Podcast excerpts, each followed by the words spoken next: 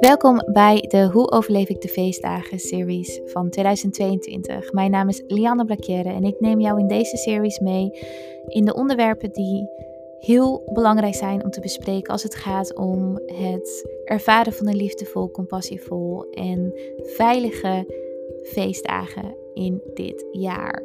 Ik ben deze series begonnen omdat ik het belangrijk vind dat we ook de moeilijke, kwetsbare gesprekken hebben Feestdagen zijn niet alleen maar gezellig en zijn niet alleen maar joyful en fijn voor iedereen. Het is oké dat we daar moeite mee hebben. En in deze series ga ik het hebben over hele belangrijke onderwerpen. En ga ik delen over mijn eigen ervaring met deze onderwerpen omtrent de feestdagen. En ga ik jou tips, tricks en tools geven om alsnog die feestdagen fijn en leefbaar te maken. Heel veel luisterplezier.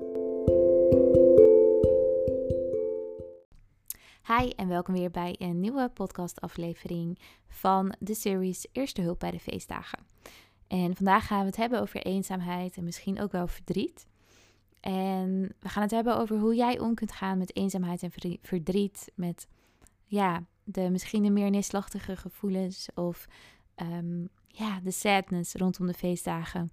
En dit is iets waar veel mensen mee struggelen: eenzaamheid. Toevallig had ik daar laatst een aflevering over opgenomen voor de podcast Levenspraat van Gwen, een oud cliënt van mij. Ehm, en voornamelijk rond de feestdagen is eenzaamheid een gevoel wat velen ervaren, maar waar nog weinig over wordt gesproken, of misschien zelfs wel een heel groot deel schaamte overheen hangt. En ik geloof dat, mocht je deze aflevering op dit moment luisteren, dit gevoel herkent. En dat het iets is waar jij misschien nu wel mee struggelt of ooit mee hebt gestruggeld. Misschien is het de eerste jaar waarin jij eenzaamheid hebt ervaren of ervaart of erkent dat dit gevoel er is. Mocht je dit luisteren, weet dat ik hier ben en dat ik met jou wil verbinden. Wat het ook is wat je nu aan het doen bent. Misschien ben je thuis aan het rommelen. Misschien ben je aan het autorijden, aan het afwassen. Misschien ben je aan het wandelen of zit je op de fiets omdat je tussen afspraken door ergens naartoe gaat. Wat het ook is wat je aan het doen bent. Ik wil dat jij weet dat ik mijn energie nu naar jou toestuur. Stel je voor dat we nu samen koffie aan het drinken zijn en dat we tegenover elkaar zitten. Wij zijn nu aan het verbinden.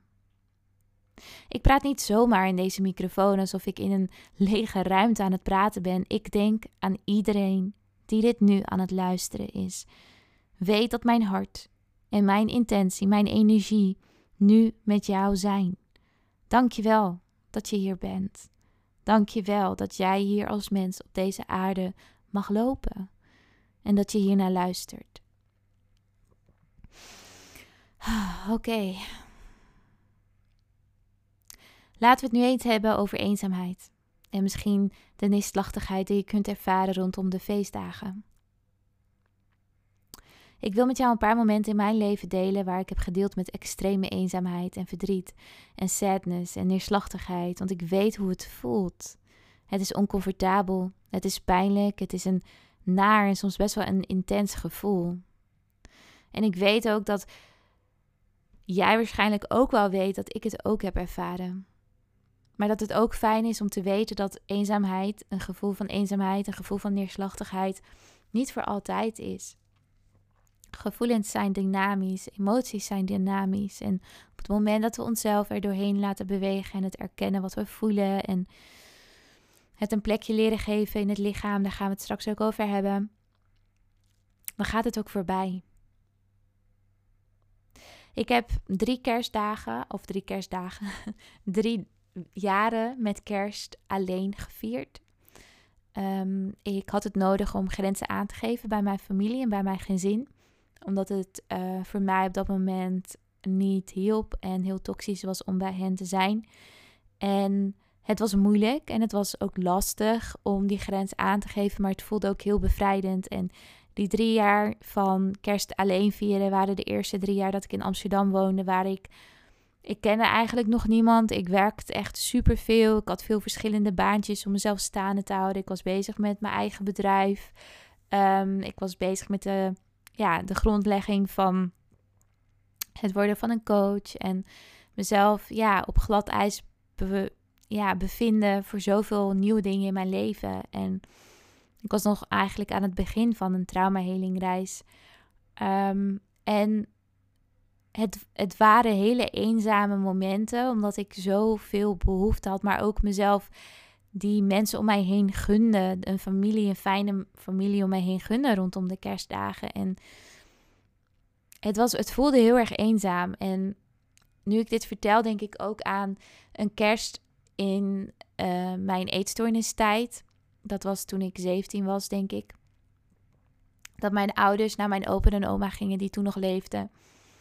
En dat ik zoveel angst en paniek ervaarde rondom de eetmomenten en kerst en de, de, de dagen die anders waren in kerst. En um, niet zo goed wist hoe ik daarmee om moest gaan. Dat zij mij thuis lieten. En die eenzaamheid die ik toen ervaarde was ook zo overweldigend en zo zwaar en veel. En ik wist toen ook niet zo goed wat ik daarmee aan moest. Dus ik heb de hele dag toen in bed gelegen. Eerste kerstdag, tweede kerstdag en gehuild. En maar ik kan me nog herinneren dat ik op een gegeven moment ook dacht: Oké, Lian, je kan nu de hele dag in bed liggen en het heel zwaar vinden en jezelf heel zielig vinden. Maar je kan nu ook uit bed stappen, een kerstfilm gaan kijken en iets te eten voor jezelf maken. En dat was wel een hele grote stap voor mij toen ik 17 jaar was en nog best wel diep in een eetprobleem zat. Dat ik uit bed ging en een film ging kijken en mezelf iets voor, me, e-, voor mezelf qua eten ging maken. En dat voelde als zo'n grote overwinning. Toen dacht ik ook: Oké, ja, ik ben hier ook voor mezelf en ik mag hier ook voor mezelf zijn. En die drie jaar dat ik alleen was met kerst toen ik in Amsterdam woonde. Ik kom uit Friesland oorspronkelijk. Ik ben uh, acht jaar geleden hier naartoe verhuisd naar Amsterdam. De eerste drie jaar dat ik nog geen vrienden had en niemand om me heen had. Ehm, en dus de grens had aangegeven aan, aan mijn ouders. Om daar ook even niet te zijn. Waren ook eenzaam.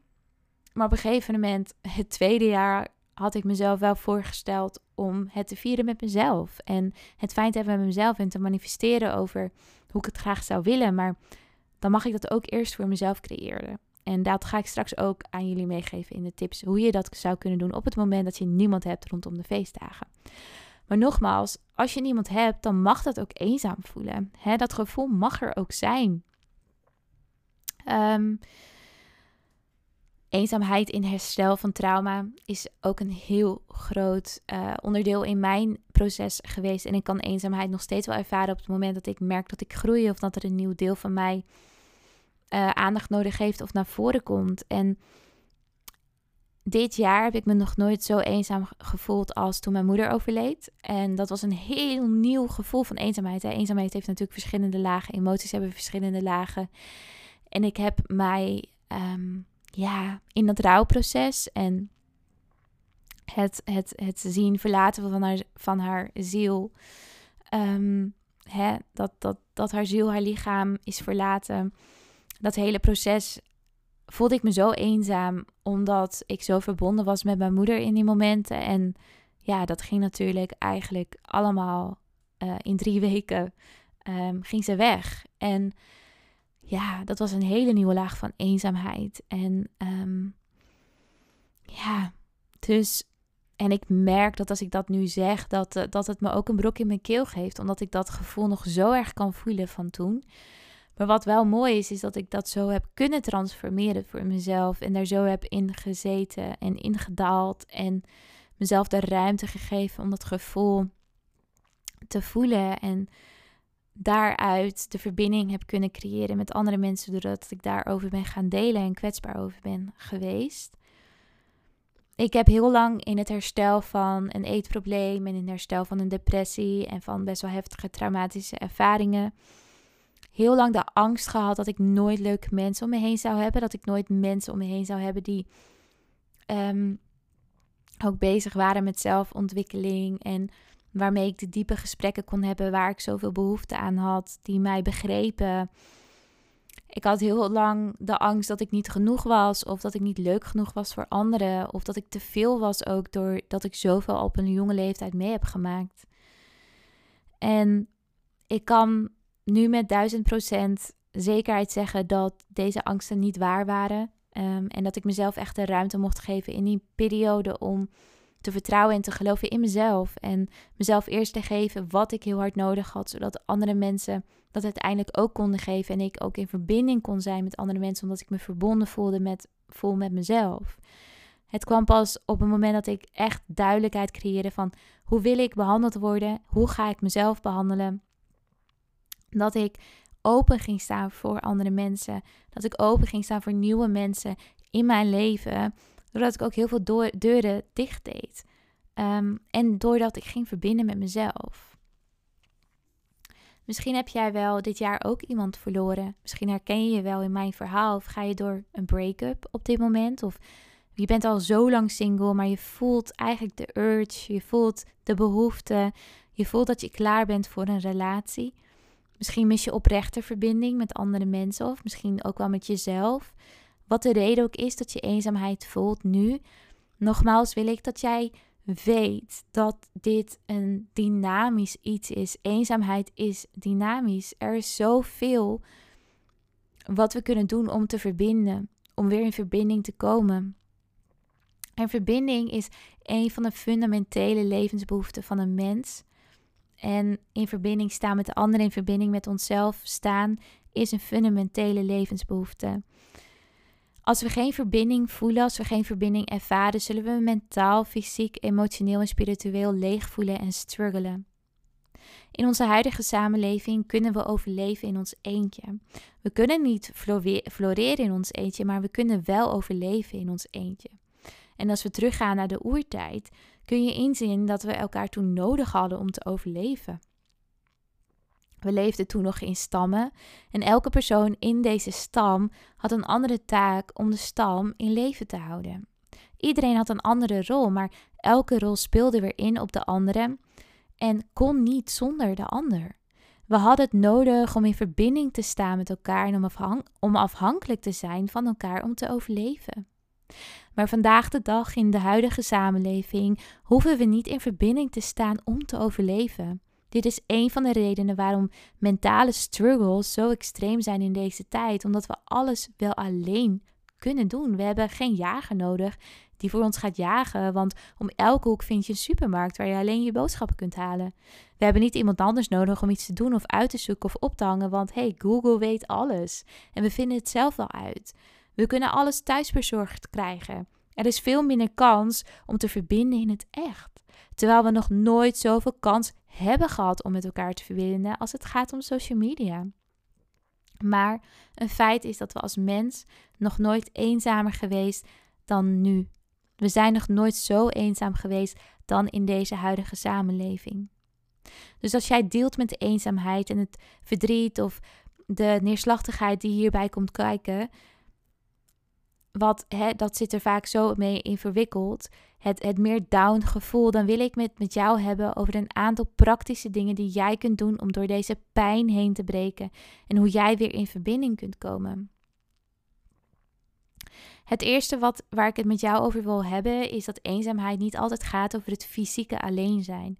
Hoewel dit wel zo kan zijn, het is niet altijd dat je fysiek alleen bent. Wat ik ook vaak deel is, je kunt je eenzaam voelen, maar ook in een relatie zitten. Je kunt je eenzaam voelen terwijl je in een best wel grote sociale situatie bent. Ehm, ik weet niet of dat een liedje is of zo, maar er is een, een, een, een, een deel tekst wat ik me nog heel erg kan herinneren, wat altijd best wel veel indruk op mij maakte, was um, I was with a lot of people, but I've never felt so lonely. En dat kan. Je kan met veel mensen zijn en je heel eenzaam voelen. Want dat, die eenzaamheid gaat over de daadwerkelijke verbinding, de daadwerkelijke kwetsbare verbinding die je dan niet ervaart, waar je heel veel behoefte aan hebt. Het feit dat mensen op de oppervlakte met jou in gesprek gaan, maar niet de diepte in. Mensen die jou niet voor je gevoel niet zien. Mensen die niet openstaan voor jou. Die jou niet erkennen, die jouw pijn niet erkennen, maar ook niet jouw geluk erkennen. Het gaat om een heel groot, diepere verbinding die je misschien niet ervaart met jezelf. En het, de eenzaamheid gaat eigenlijk over jezelf niet echt laten zien, mensen jou niet echt leren kennen. En soms is het een indicatie dat een deel in jou aandacht nodig heeft. Een indicatie van groei en van een nieuw deel in jou waar licht op wordt geschenen, waardoor je echt het idee hebt dat je een heel groot deel van jezelf kwijtraakt, waardoor je je eenzaam kunt voelen. Eenzaamheid kan opkomen op de momenten dat we veranderen, groeien, uit onze comfortzone stappen. Eenzaamheid komt op wanneer jij jouw overwinningen, jouw pijn, jouw geluk, jouw gevoelens, jouw genot niet kan delen met anderen, maar ook niet met jezelf. Niet erkent van jezelf. Zelf. Eenzaamheid is een oer, eigenlijk een oerinstinct van ons als mens. Hè? Want wat ik altijd zeg, gevoelens en emoties, ze helpen ons. Ze willen ons iets vertellen, ze willen iets met ons delen, ze willen aandacht. Eenzaamheid is eigenlijk het oergevoel van ons als mensen. Als we weer terugkijken naar vroeger dat we in stammen leefden. Om weer te verbinden met de community. Om weer te verbinden met de stam. Omdat ons zenuwstelsel en ons brein. Dat als we dat niet hebben, als we dat niet ervaren, dan hebben we het idee dat we er niet bij horen. En als we er niet bij horen, dan worden we niet gezien. Als we niet gezien worden, dan kunnen we in de steek gelaten worden. En dan zijn we in gevaar, want vroeger konden we letterlijk aangevallen worden. Dus eenzaamheid is een indicatie van je zenuwstelsel en je brein van... hé, hey, we zijn in gevaar, we hebben geen verbinding, we zijn alleen...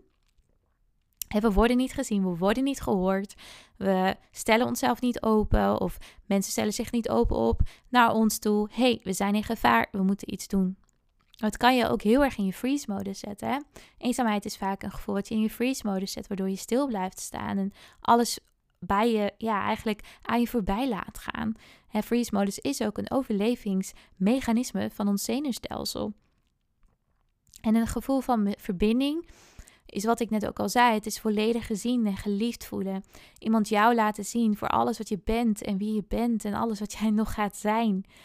Onszelf laten zien vanuit kwetsbaarheid is waaruit wij met elkaar verbinden. Kwetsbaarheid is waardoor wij als mens met elkaar verbinden. En zodra jij niet weet hoe jij kwetsbaar kunt zijn, of hè, we hebben dit waarschijnlijk niet geoefend, want hey, vulnerability is iets wat heel eng is voor veel mensen.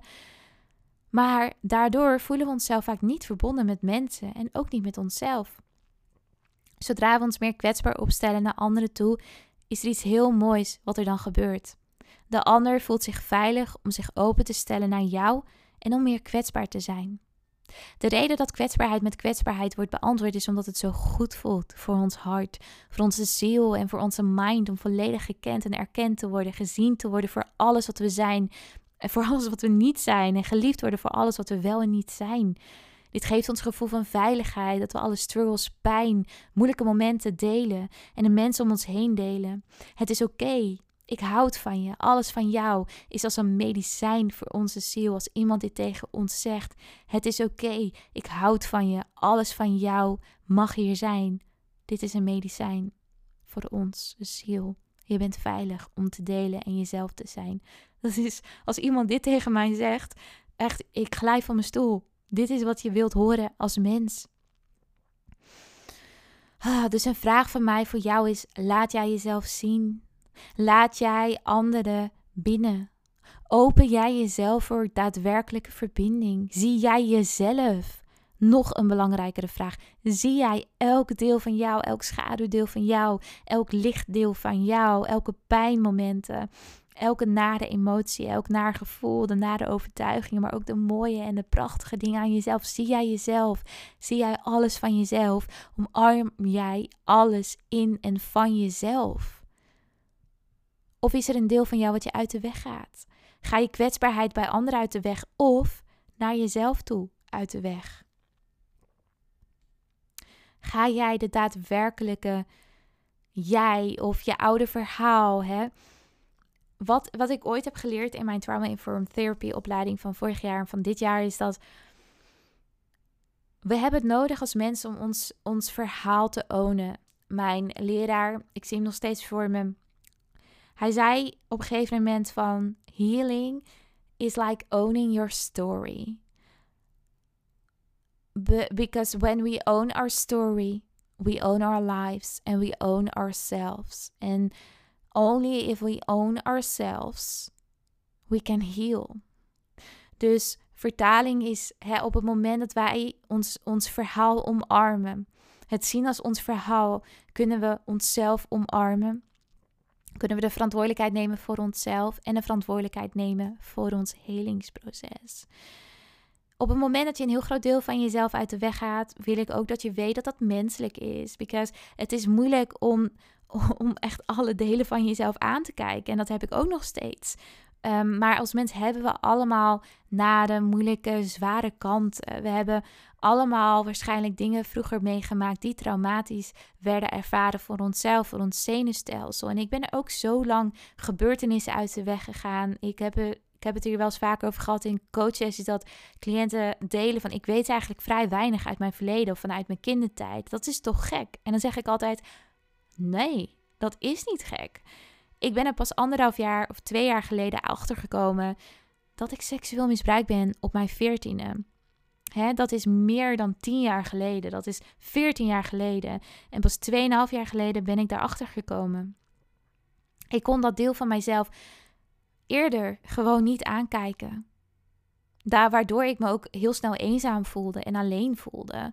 Um, ik heb heel, heel veel nade dingen ook meegemaakt in mijn gezin.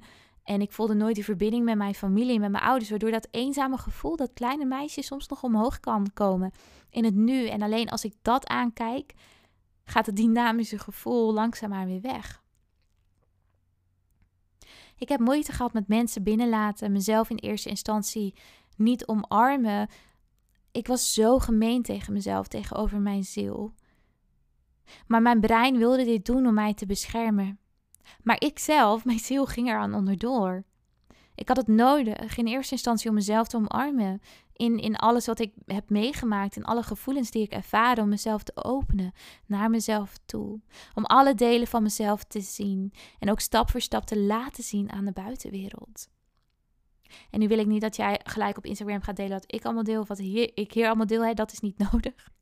Dit is ook mijn werk en dit doe ik vanuit mijn hart en mijn ziel voor jullie. Om jullie niet eenzaamheid te, uh, om die eenzaamheid ook daarin met jullie te kunnen verbinden. Maar ga eerst met jezelf in gesprek. Ga eerst in gesprek met jouw eenzaamheid. Ik mocht mezelf veilig stellen om mezelf te zijn, bij mezelf, zodat ik andere mensen ook stap voor stap toe kon laten in mijn kwetsbaarheid. Verbinding is een menselijke behoefte. Maar hoe starten we het met onszelf laten zien aan anderen en aan onszelf? Want we hebben het nodig om onszelf te uiten. We hebben het nodig om onszelf te gaan zien voor wie wij zijn en dit naar buiten toe te laten zien en onszelf te uiten naar andere mensen. Ik heb het nodig om eerlijk naar mezelf te zijn. Ik heb het nodig om de confrontatie aan te gaan met mijn gevoel, met mijn gedachten, met mijn emoties en het uiten van mijn pijn met vriendinnen. Mijn vriendinnen deelden ook op een gegeven moment, wat was dat, vijf, vijf jaar geleden, toen ik nieuwe vriendinnen uh, groep creëerde. Die zeiden ook, liever, wij willen dat jij deelt. We willen dat jij ook over jezelf praat. Want je bent zo gewend om het alleen maar over ons te hebben. Maar waar zit jouw pijn? Ze wilden met mij verbinden. Ze wilden er voor me zijn. En dat is een fundamenteel ding wat we wel eens vergeten. Dat als wij iets geven aan iemand, dan willen we dat iemand dat ontvangt. Want dat geeft ons een fijn gevoel. En hè, net zoals dat ik dat wil, wil, willen mijn vriendinnen dat ook. We geven ook omdat we dat willen. En we willen dat iemand ook wat wij geven ontvangt. Dat geeft ons een fijn gevoel. Dus we helpen ook door dankjewel te zeggen of door onze ruimte in te nemen en te delen. Want dan heeft iemand anders ook het gevoel van: hey, iemand kan kwetsbaar bij mij zijn. Ik kan iemand die ruimte geven. Wat een cadeau. Op het moment dat ik iets wil delen, dan denk ik altijd aan mijn innerlijke kind. Op het moment dat ik eenzaamheid ervaar, dan denk, dan denk ik altijd aan mijn innerlijke kind ik ben nu die wijze zorgverlener. Ik ben nu die wijze ouder voor haar.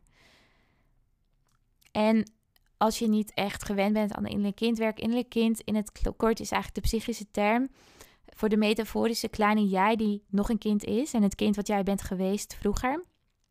Die wat nare ervaring heeft meegemaakt waarschijnlijk. En ik denk aan haar en ik denk aan wat zij nodig heeft. Ik denk aan haar in deze huidige uitdagende situatie. En ik zou haar dan willen knuffelen. Ik zou haar de ruimte willen geven om erover te praten, om liefde te ontvangen van mensen waarmee zij erover kan praten. Ik zou haar ruimte willen geven om om hulp te vragen. Ik zou haar door de emoties heen willen dragen. En sinds ik dit doe, sinds ik haar met haar ga verbinden en haar zie in haar pijn, merk ik dat mensen er ook echt zijn. Zodra ik om hulp vraag, merk ik dat zij er willen zijn en dat ik er ook echt voor mezelf ben, omdat ik er ook voor haar ben en ik wil haar opvangen en ik wil voor haar zorgen. Ik word alleen ondersteund door anderen zodra ik deel waar ik doorheen ga. Om je niet schuldig te voelen zodra je deelt, om de schaamte eraf te halen dat jij deelt met een moeilijke of zware situatie. Want we zijn allemaal mens. En als jij jezelf herinnert dat de persoon die tegenover jou staat ook mens is, kun je jezelf beter uiten dan dat jij die persoon hoger dan jij neerzet. In plaats van dat je altijd indruk wilt maken op anderen, mag jij ook jezelf zijn. Het is zo'n belangrijk onderdeel van mens zijn, verbinding met anderen door te delen waar jij mee struggelt en ook door gesteund te worden in jouw struggle. Dus een belangrijke vraag voor jou: laat jij anderen jouw struggles zien en laat jij je ook ondersteunen door anderen. En kun je anderen de ruimte geven zodra jij ziet dat iemand anders struggelt. Je ware ik niet laten zien kan eenzaamheid geven, kan een gevoel van verdriet geven. Dus het jezelf openen naar mensen en gezien laten worden door anderen is zo belangrijk.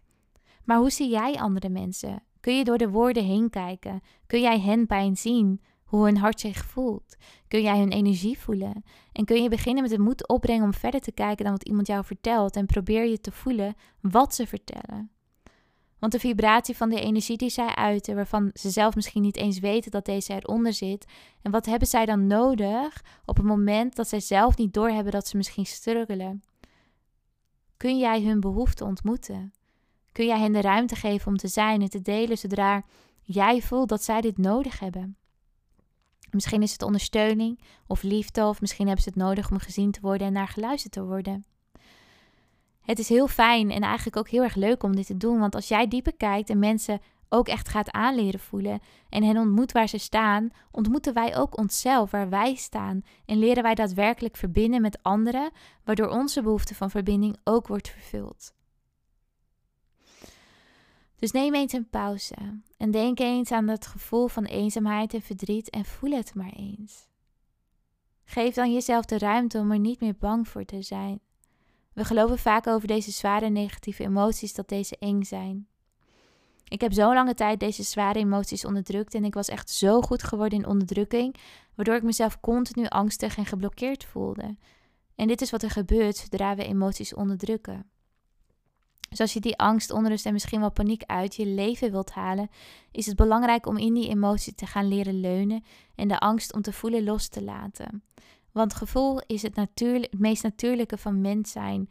Het enige wat het wil is bescherming, aandacht en gezien worden. Het is een menselijke overleving.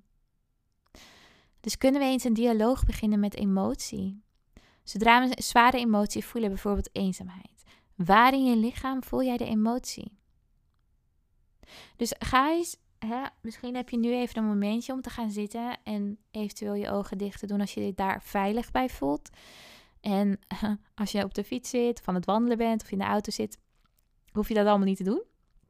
Kun je het ook gewoon op deze manier doen. Maar mocht jij de tijd en de ruimte hebben om even te gaan zitten in stilte. En als je je veilig voelt, even je ogen te sluiten. Zullen we even een diepe ademhaling in en uit. Als jij een eenzaamheid een plekje mag geven in je lichaam, waar zou je het dan aanwijzen? Kun je even de ruimte creëren in je lichaam om te ervaren waar je dat gevoel voelt? Is het in je keel, of je borst, of je schouders, in je buik of je hoofd? Misschien zijn je benen onrustig. Misschien voel je dat je schouders gespannen zijn. Waar voel jij eenzaamheid in je lichaam? Zodra je dit hebt gevraagd, aan jezelf en je hebt het geïdentificeerd in je lichaam. En je kan altijd natuurlijk even op pauze klikken. Laten we dan eens nog even een diepe ademhaling nemen.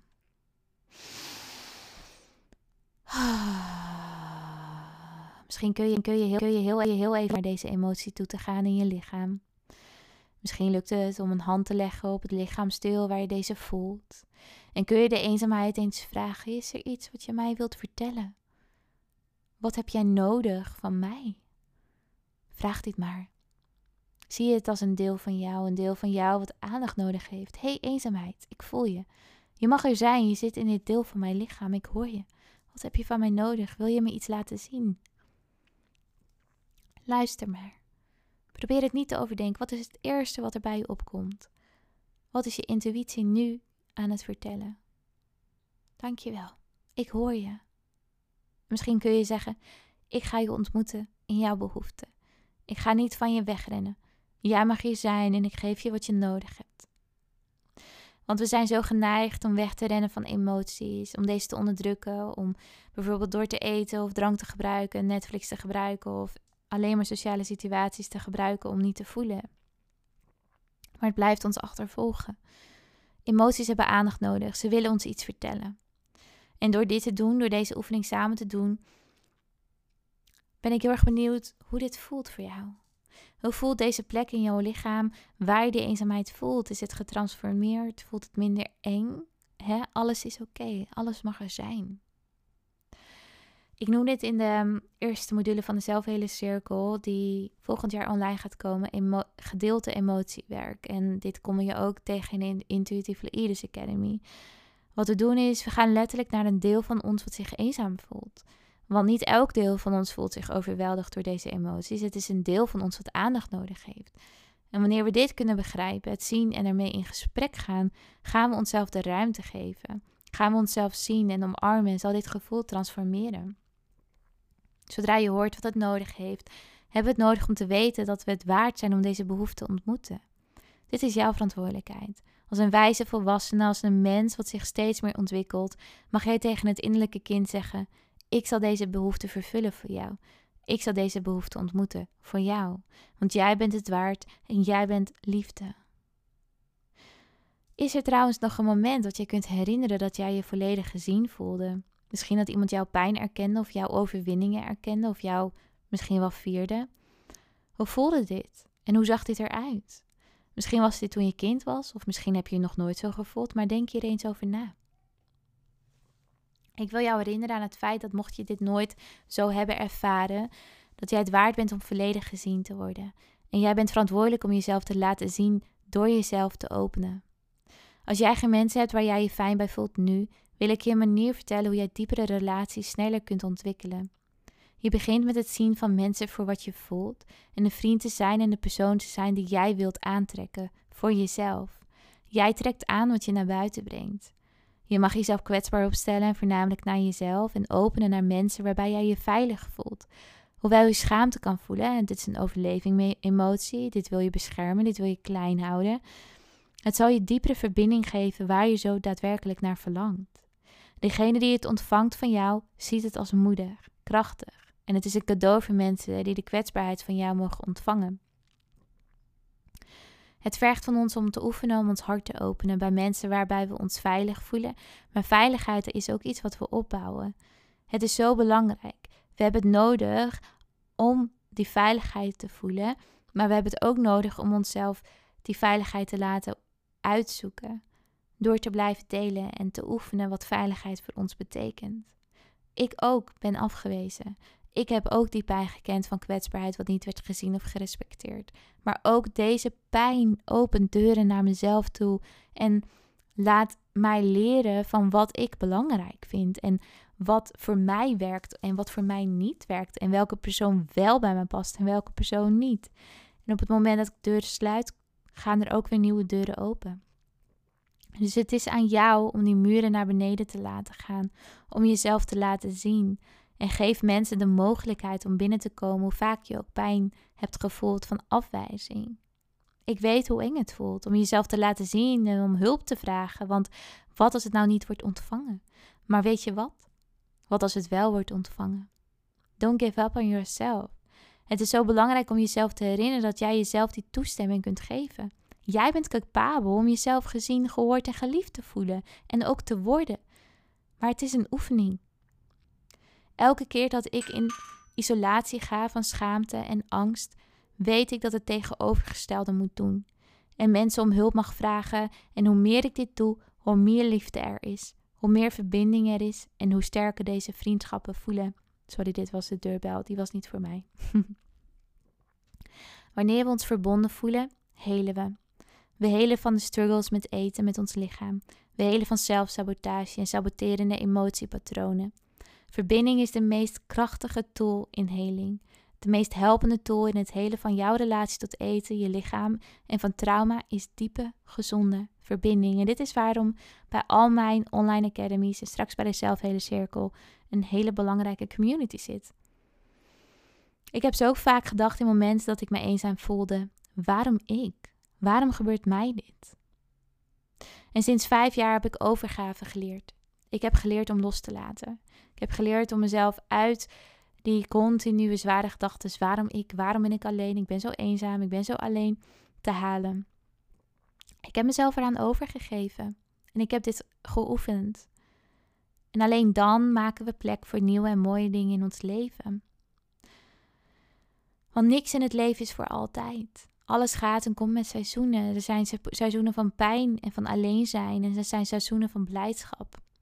Als je jezelf vast laat houden aan wat er is gebeurd, aan angsten, aan je verleden, en je oefent loslaten niet, zorgt het ervoor dat je vastloopt in die destructieve cyclus en ga je jezelf eigenlijk alleen maar die waarheid blijven bevestigen dat je alleen bent, doordat je het continu naar buiten brengt dat je alleen bent, doordat je te veel in je verleden leeft. Soms hebben we ook, en het klinkt heel naar, maar we hebben die liefdevolle onze, onder onze reet nodig om uit die eenzaamheid te stappen en tegen onszelf te zeggen: hé, hey, ik ben mijn beste vriend op dit moment en ik ga voor mezelf zorgen en ik ga daar voor mezelf zijn. En ik ga alles aan mezelf geven waarvan ik eigenlijk wil dat iemand anders dat geeft. We helen op zoveel mooie dynamische manieren zodra we onszelf de ruimte geven om overgave te oefenen aan het proces, aan emoties, aan het leven, aan het loslaten van de destructieve patronen en onszelf de ruimte geven om overgave te oefenen op de chaos die erbij komt kijken. Ik weet dat de feestdagen zwaar en lastig kunnen zijn. Misschien heb je geen sterk familiesysteem om de feestdagen te vieren, of misschien ben je single, of misschien is het weer een reminder dat je geen relatie hebt die je graag wilt. Misschien ben je iemand verloren of heb je zoveel pijn ervaren rondom deze tijd van het jaar, waardoor je er nu weer doorheen gaat. Ik wil een aantal ideeën met jou delen om je weer wat meer verbonden te voelen. Mocht jij je eenzaam voelen in deze feestdagen, Misschien wens je wel die ondersteuning van lieve mensen om je heen. Een fijne en liefdevolle familie, zoals misschien vrienden hebben of mensen op je werk. Of hey, we kennen de kerstfilms waar het altijd goed komt en happy endings. Ik wil dat jij eens de ruimte creëert voor de dingen die wel mogelijk zijn. En ik heb er een aantal voor jou bedacht. Mocht iemand jou uitnodigen, al is het iemand die jij niet zo goed kent, maar die weet dat jij niemand hebt om mee te zijn, wil ik dat jij de ruimte geeft aan jezelf om ja te zeggen. Zeg ja voor die mogelijkheid om te verbinden. Stap uit de rol dat het erg is dat je geen familie of eigen vrienden hebt om mee te zijn en laat die angst jou niet controleren. Alle emoties mogen er zijn natuurlijk, maar we hoeven er niet uit te handelen. Blijf niet nee zeggen. Ga mee met mensen die jou meevragen. Misschien ontmoet je wel leuke mensen. En als dit niet zo, niet zo is, dan heb je het wel geoefend voor jezelf. Je oefent jezelf met jezelf om weer te verbinden met anderen en er komt een keer dat je ja zegt, dat je eigenlijk de meest leuke mensen ontmoet. Geloof mij, ik ben naar zoveel dingen geweest met mensen waarvan ik dacht, mm, nou, niet echt mijn mensen, maar ik heb wel weer geleerd om mezelf te laten zien. En uiteindelijk ben ik een beetje uit die slachtofferrol gestapt. Nou, niet een beetje, geheel uit die slachtofferrol gestapt. Dat ik altijd alleen zou zijn en eenzaam was en niemand had en la. Ik moest mezelf eruit trekken om weer te verbinden met anderen. Misschien ken je andere mensen die niemand hebben om kerst mee te vieren. Kun je misschien iets leuks organiseren, een paar mensen uitnodigen, mensen met elkaar verbinden. Dit is wat ik vaak doe met vrienden op kerstavond of op derde kerstdag. En elk jaar komen er andere mensen bij. En het is zo gezellig, want iedereen heeft wel een eigen verhaal met familie of struggles met familie. En het, we kiezen ervoor om dan met elkaar te zijn en te erkennen dat we even niet met onze familie willen zijn, bijvoorbeeld, maar ervoor kiezen om met onze vrienden te zijn. En dat is heel erg fijn en heel, heel liefdevol. Maar misschien zou je bijvoorbeeld ook vrijwilligerswerk kunnen doen. Ik heb dat ook een keer gedaan toen ik net in Amsterdam woonde. Heb ik bij het Leger des heb ik, um, geholpen met een kerstdiner voor daklozen. En ik vond het zo waardevol om dat te doen, omdat ik echt van dienst kon zijn bij mensen die ook eenzaamheid ervaarden en alleen waren. En ik kon met die mensen heel fijn verbinden en leuke gesprekken hebben. En ik, ik ben echt daarin echt een helper, dus ik vond het heel erg fijn om mensen te kunnen helpen met een struggle. Niet om mijn eigen struggle te vergeten, maar wel om ja, te verbinden. Um, en hele mooie verhalen van daklozen te horen. Een ander idee wat ik heb, en dit is wat ik zelf een paar keer dus ook met kerst heb gedaan toen ik alleen was, is dat mocht je niemand hebben waarmee je kerst kunt vieren, uh, mocht je niemand om je heen hebben, ik zie je, ik weet hoe dat voelt, nodig ik je uit om het niet te zien als gewoon een dag die voorbij vliegt, maar verwen jezelf. Mocht het goed voelen voor jou, koop cadeautjes voor jezelf. Kook uitgebreid voor jezelf. Kijk een paar kerstfilms. Doe kerstmuziek aan. Haal je favoriete kersteten in huis. Haal wat leuke kerstspulletjes in huis. En doe lekker kaarsjes aan. En zie het als een date met jezelf. En wat zou je meest ideale kerst zijn? En vier deze met jezelf. Je mag jezelf laten genieten. Start met het creëren van die verbinding met jezelf in plaats van het te zoeken bij anderen. Zorg voor jezelf, want jij verdient dit. Wees er met jezelf. Je kunt ook een activiteit doen, zoals opschrijven hoe je het graag zou willen. Kerst vieren met anderen, verbinden met anderen.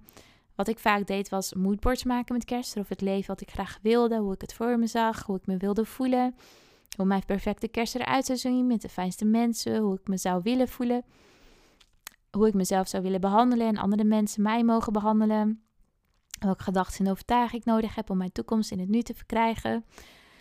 Er zijn zoveel dingen die je dan met jezelf zou kunnen doen. Lekker even een wandeling maken. Kijk, het zijn een aantal ideeën. Maar hier de waarheid over eenzaamheid en verbinding. Het heeft investering.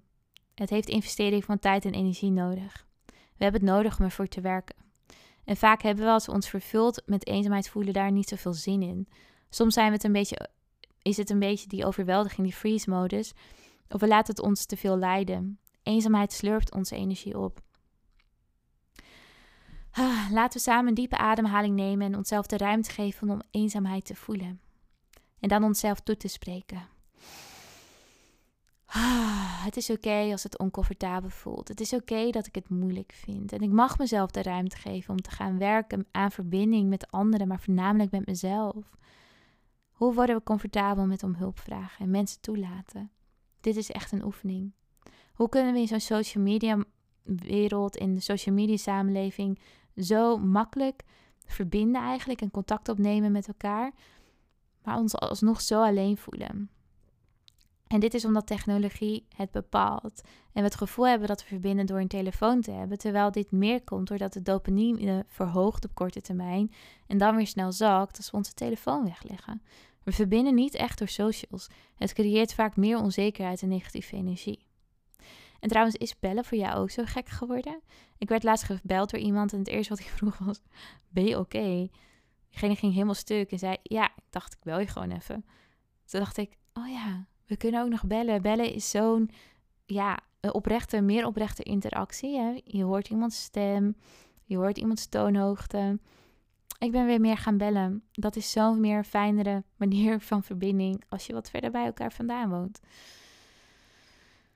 Ehm, even een tip van mij.